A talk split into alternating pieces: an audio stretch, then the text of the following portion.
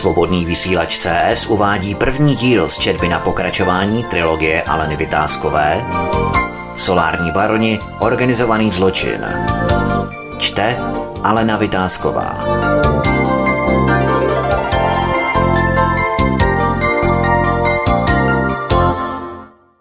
Velká kapsa se probral ze snění a vzal si další šanon, kterým bez duše listoval. Za chvíli se již znovu potácel v myšlenkách z minulosti, které se mu zjevovaly v poslední době čím dál častěji. Bál se, aby někdo jeho skutečný původ nevyčmuchal, což by mu mohlo opravdu škodit. Dnešní články v bulváru Oheň nasvědčovaly tomu, že se o něm může vědět víc a údajný seriál by to mohl odhalit. Za chvíli opět v podvědomí probíral střípky ze své minulosti. Dědova zlodějna, pokud si potrpíme na detaily, tak nejen, že byl do ní zapleten, ale vše řídil, přestože byl v praktickém životě opravdový regulérní debil.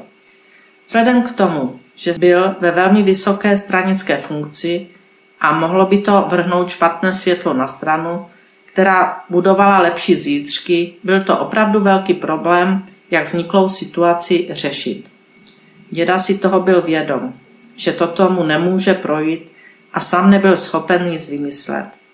Ve chvíli, kdy vše úplně prasklo a babička cítila, že se něco děje, co se dědovi vymklo z ruky, na něj uhodila, nikoli v sekerou, což by v té chvíli zasluhoval, ale suchým, přiškrceným hlasem, co to zase provedl, ty hovado debilní. To já ne, to účetní, záviděla nám, tak nás šla udat a vzala si k tomu i účetní doklady za poslední tři roky. Babička viděla, že je opravdu zle. Vilka, kterou si před pár lety pořídili, nemohla být rozhodně z dědova sice obrovského platu, ale i dědův příjem byl na tento přepich málo. Chytala ji hysterie. Představa, že kvůli nějaké účetní o vše přijde, ji vyhnala krev z oběhu a o babičku se pokoušela mdloba. K jejich vilce, autu, televizi, kobercům, každé maličkosti, kterou si do svého nového luxusního bydlení pořídila a stále pořizovala, měla osobní vztah a nikdy nepřipustila, že by měl třeba jen porcelánový hrníček patřit i dědovi. Vše si přisvojila takovým způsobem, že představa, že by jim to mohli zabavit, ji dovedla z mdlob do zuřivosti a udělila dědovi takovou facku, že se skácel k zemi jak podťatý. Velmi se lekl, protože ho babička nikdy nebyla. I při jeho slabomyslnosti si uvědomil, že je situace vážná. Velká kapsa stal v rohu kuchyně, spod brýly zahlížel na výměnu názoru a babičce tiše fandil. Tepláky měl vytažený téměř až pod paže, krásný hřeben za 50 haléřů který mu babička koupila k narozeninám, nosil stále v zadní kapse tak, aby ho měl kdykoliv k dispozici, když si chtěl pročísnout svoji patku. Je pravda, že velká kapsa se mu začalo říkat právě nyní, protože s hřebenem nadspal do kapsy další hromadu pro něj důležitých věcí. Kapsy měl u všech tepláků, které nosil i do školy, vytahané tak, že přezdívka Velká kapsa mu byla přidělena právem. Teprve za několik málo let mu jeho zálíba v kapsách přišla vhod. Prostě velká kapsa se používala znovu, tentokrát na úplatky. Je pravda, že jeho vrstevníci v té době se již snažili dostat k riflím, jak se říkalo, všem modrým denimovým kalhotám po vzoru kovbojů či západních vrstevníků. Ani v té době velké kapse nepřišlo, že tepláky nejsou in. Vlastně v té době se ještě in a out nenosilo. Velká kapsa přes svůj zjev a neintelekt byl v kolektivu oblíbený jen pár minut, kdy přinášel kvalitní alkohol, který ukradl dědovi. Ten ho měl, co se dostal do funkce, plný sklep, takže pár lahví vodky nebo koněku, které týdně mizely, nemohla poznat ani babička, která měla evidenci i o tomto skladišti ukradeného alkoholu.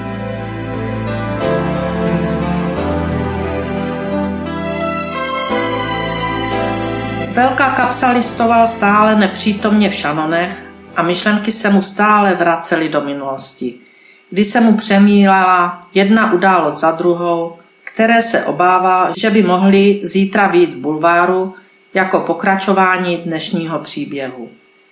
Vzhledem k tomu, že byl včera ožralý jak deka a měl okno, tak ho ani nenapadlo, že pokračování by mohlo být právě ze včerejška.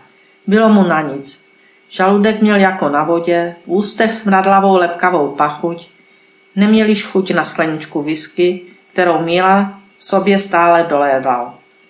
Znovu se ponořil do vzpomínek. Babička si nevšímala vnuka stojícího v rohu a udýchaně si sedla na židli a kopla do dědy. Vstávej, mizero, a mazej do Prahy. Musíš to urovnat. To nejde, špitl z podlahy děda.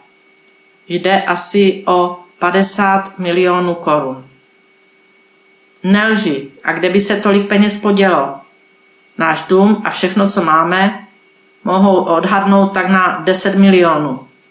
50 milionů. Co to meleš za blbost? Jak jsi na to přišel? Vždyť neznáš ani malou násobilku. Již při této větě babičce blesklo v hlavě. Začala se chvatně oblékat a zavelela. Zavolej Jindrovi, jedu do Prahy s tebou. Co se vše odehrálo v Praze, neví. U nejvyššího byla babička s dědou, prý už toho posral dost.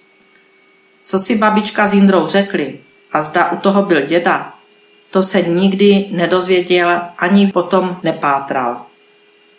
Babička se vrátila z Prahy sama. Děda byl zbaven své právnosti, asi po měsíční hospitalizaci, kam ho odvezli přímo z toho inkriminovaného jednání. Partajníci to považovali za nejlepší řešení, aby nepošpinil dobrou pověst strany. Účetní dostala 8,5 let na tvrdo, což babička komentovala, když si četla za pár měsíců rozsudek v novinách, aspoň se jí nebude chtít udávat poctivé lidi.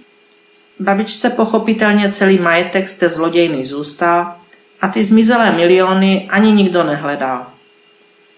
U účetní se nenašly, žila v jednopokojovém pronajatém bytě a žádné jiné majetky neměla. Pocházela z dětského domova, byla bez rodiny, prostě nedůvěryhodná osoba, která udáním chtěla zamaskovat své chyby, tak znělo v jednoduchém zdůvodnění rozsudku, který byl nadpisem článku ve stranickém deníku. Prokurátor Ruválek a soudce Okleště se tehdy vyznamenali, ale nebyl to jediný jejich poklesek ve jménu práva. Bohužel i na ně později došlo, ale ne na všechny. Po potáhování byli jen ti, kteří se zúčastnili těch největších zločinů ve jménu justice a ochrany gaunerských praktik. Někteří se naopak hodili i v novém režimu. Vždyť členství v milicích se dalo lehce zamést pod koberec. A s takovým puncem pak pracoval člověk jako hodinky. Několik takových pracantů měli i ve svých seznamech spolupracovníků. Jsou to naši nejlepší spolupracovníci. Nul si ruce nad vzpomínkami Velká kapsa. V čem se to změnilo? Uvažoval s velkou námahou. Dobře, že přišla sametová revoluce. Zapotil se. To by se fakt měl za bývalého režimu blbě. Přestože děda nikdy nebyl z té zlodějny ani podezřelý, jeho zbavení své právnosti nebyla dobrá známka pro další rozvoj a uplatnění jeho nepříliš vydařeného vnuka. Čerstvý diplom si mohl nechat tak vyset doma na zdi, vždyť by ho tenkrát nevzali ani do té kotelny. Ale revoluce přišla a babička znovu ožila. Vše běželo jako po drátcích. Děda byl propuštěn z ústavu a zase mlel blbosti a zase postupoval po žebříčku společensky důležitých funkcí. Jako jeho vnuk, ze kterého babička udělala ekonoma, jsem byl v kurzu a měl jsem šanci se dostat do nejlepších pozic a to se mi také povedlo. Nebýt babičky, která ze zloděje dědy udělala chudáka poškozeného režimem, tak jsem nebyl vůbec nic. Velká kapsa se ze svých vzpomínek probral, Když se Míla již po třetí ptal, cože mu vlastně je, že chodí tak ze široka. Máš natažená třísa? Co jsi vyváděl, ty bejku? Chechtal se jí znovu pod napilý Míla.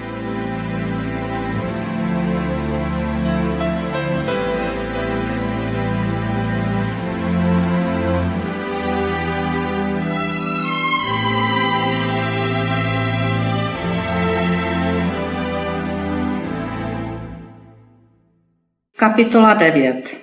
Míla, zrada a početí solárních žebráků. Elis s Herbertem seděli na konferenci k podpoře obnovitelných zdrojů, zajištění energetické samostatnosti a energetické bezpečnosti. Kdyby nevěděli to, co z analytických materiálů měli k dispozici, tak by stejně napjatě poslouchali jako většina účastníků, které zajímala nejen energetická problematika, ale především investiční příležitost. Byli mezi nimi podnikatelé, finančníci, ale pochopitelně i skupinka pozorovatelů, vyslána solárním baronem, aby zjistili, jak se laická veřejnost rychle orientuje a zdá jim dost jasné, o co se vlastně jedná. Lopata seděl vedle Edy, nechyběl ani Elegan, který se jen usmíval a neznatelným mrknutím oka pozdravil Norberta a Elis. Celkem nejasná konference měla toho říct tolik, kolik bylo nutné, ale hlavní aspekty tohoto biznisu, či jak bude vypadat rychlý zvrat ve výši podpory, nebyl těmto účastníkům vůbec znám. Jednalo se o hrstku vyvolených, která připravovala biznis století. Několik odborníků na obnovitelné zdroje mlelo svoji písničku jak je nutné vyrábět ekologicky, výzva podnikatelům, ať využijí státních pobídek, prostě takové mlhavé nic, které mělo spíš odradit, než pozbudit investiční zájem. Přece nepřipravovali tak výhodné podmínky pro širokou veřejnost. Nebýt toho, že se mezi přednášejícími začali objevovat skuteční experti, nikoli tlachalové jako obyčejně, tak vše mohlo proběhnout hladce, bez válných výsledků a informací pro účastníky konference. Experti popsali celý princip do detailu, včetně neskutečně štědré podpory, kterou stát chystá uvolnit, a to na tak dlouhé období několika desítek let. Toho dne se v kulárech před sálí rozvíjela zajímavá diskuze mezi těmi, kteří nebyli úplně blbí a byla to většina účastníků této konference, že taková investiční příležitost již nikdy nebude. Stát garantuje výkupní ceny a to na dobu minimálně 20 let. To se zdá jako fata morgana v dnešním tržním prostředí. Takové věci nebyly možné ani za sociku. To je nějaká blbost. Bylo slyšet hlasy u kávy od vedlejších stolků. Elis jen povytáhla obočí a zajímalo ji spíše ze zvědavosti, co vše tito Obyčejní podnikatelé vlastně o celé akci vědí. Věděli toho opravdu málo, nebyli vyvoleni, ale měli podnikatelského ducha, vždyť podnikali od sametové revoluce a byli vesměs úspěšní. K jedné skupince se přimotal také náš bankéř. Cítil, že to může být zajímavá akce, kde se nebude hledět na korunu a také bude nutné nějaké peníze nechat projít čistírnou, jak sám nazýval nutnou legalizaci peněz. Účty měliž na Kypru připravené, je pravda pro jinou skupinu, pro ty z klubu, ale co kdyby tady narazil na zajímavý obchod, kde by mohl zapojit i své kampeličky. Diskuze se neúčastnil, jen bedlivě poslouchal, usrkával kávu a bylo vidět, že jeho mysl je v plné pohotovosti. U dalšího stolku se rozjela hádka, když švihácký majitel firmy začal dost nahlas popisovat, že je to hovadina, aby banka půjčila tolik peněz, že nemusíš sáhnout do strožoku. Jak říkal, tomu se nedá věřit. A pak taky věř politikům. Dnes je to tak a zítra jinak. Do toho já nejdu a můžete mi vysvětlovat, co chcete. Na střechy mých výrobních hal nedám ani panel. Vše moc smrdí a já nemíním ztratit vše, co jsem si za posledních 20 let vybudoval. Je to nenormální, to nemůže být možné, aby vám někdo zaručil, že budete jen inkasovat. Nic vás to nebude stát a to po dobu 20 let a ještě tolik peněz. Na to mě žádná banka neutáhne. Na to mě nedostanou. Ani kdyby do zákona dali cokoliv. Já vyrábím své postele a u toho si zůstanu. A pozval ostatní na panáka.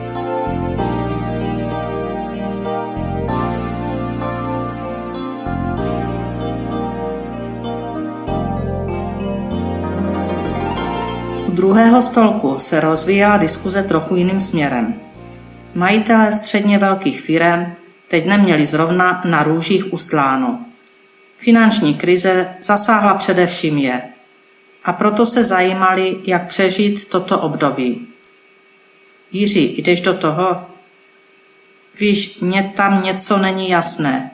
Přece není možné, aby z toho byl vývar 20 let. Bez rizika. Bavili se mezi sebou dva starší podnikatelé. Mladík z bankovního sektoru se ujal slova. To máte tak. Garance jsou. Je to státní zájem. To je jistota, o které se nemůže nikomu ani zdát. Proto jdou banky do toho, a to ve velkém. Co vám mohu nabídnout? Celou investici nadhodnotíte, to je jasné. Stejně se v tom nikdo nevyzná. Technologie jsou nové, pozemky drahé. Úvěr vám dám na 80% investice. Ostatní musíte složit sami. Že nemáte? Vždyť vám to vysvětluji. Nadhodnotíte projekt o 30%. A ještě než začnete, tak máte 10% doma. Z miliardy je to 100 milionů, které vám určitě udělají radost. Abych byl přesný, nám udělají radost, protože se budeme dělit. Lehké počty. No a když potřebujete vaše prašule vyčistit, máte je někde ve strožoku, tak na to je jiná metoda. Ale jak se tak na vás dívám, tak vy potřebujete úvěr. A o tom si můžeme popovídat v naší kanceláři. Tady je moc uší. Již o poznání tišeji si vyměnili vizitky a tajemně se rozešli. Konference pokračovala, ale část osazenstva se rozprostřela u malých stolečků ve vestibulu a již o poznání tišeji, ale horečnatěji diskutovali o tomto podivném podnikání. Jiří nemohl věřit, že něco takového je možné i na půdě, kde se pěstuje zelí, mrkev na nejúrodnější půdě v Česku, na Hané. Černozem, která se tam nachází, přece nemůže být takto znehodnocována. Považoval to za blbost, ale přece si jen vyslechl všechny názory kamarádů z branže, která neměla s energetikou nic společného. Debata pokračovala věcně, tak jak to mezi podnikateli je obvyklé. Dobře, vláda schválila podporu obnovitelných zdrojů a ta není malá. Mají na tom zájem, je to dost velké riziko, protože je to úplně nový systém výroby. To riziko pěkně ocenili, to je pravda. Dotace na to jsou velké a jak vyplývá ze zákona, snižování výkupních cen nemůže být vyšší než 5%. To je slušná jistota. To víš, pár panelů na střechu rodinného domku, to je záležitost s tím nesmyslným papírováním na pár měsíců, ale velké stavby na zemi, tak to je stavební povolení a vše, co je s takovou šaškárnou spojeno. To může trvat i dva roky. No, to máš pravdu, přitakal Franta, ale s tou jistotou 5% se dá do toho jít. Slyšel jsem, že velká část politiků do toho šla taky. Zrovna u nás staví pár poslanců, hejtman a dokonce i nějaký šéf mého úřadu. Co dělá ceny? Prosím tě, ty víš všechno. A kdo to je? No přece to je jedno, hlavně, že do toho také šli. Tím se jen potvrzuje, že je to stabilní a že nás nechtějí vydrbat jako obyčejně. Jiří pokračoval. Úvěr dostaneme, máme čím ručit. A slyšel si mladého. Nedělají z úvěru problémy. Víš, jak by se mi teď hodilo něco dělat? Nemusel bych propustit lidi z fabriky. Bylo by kolem toho hodně zámečnické práce, prostě by mi to vytrhlo trn z paty a ještě k tomu bych měl vlastní elektřinu. Fakt se mi to moc líbí. Nevím, proč jsem si toho nevšiml dříve. A to jsem si myslel, že tato konference bude zase jen setkání s kamarády a obsahově nic. Jsem mile překvapen.